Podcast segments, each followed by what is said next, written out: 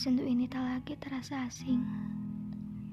Perasaan patah, hilang, sunyi, dan senyap ini terlampau sering rasanya aku lewati kala itu. Namun tetap saja aku merasa seolah hilang arah. Terlalu banyak rasa khawatir yang menyergap. Terlalu banyak tanya yang sebenarnya aku sendiri pun tak paham.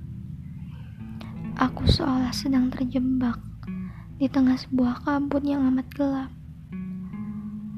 Berharap satu cahaya datang, menuntunku keluar tanpa banyak tanya yang terlontar.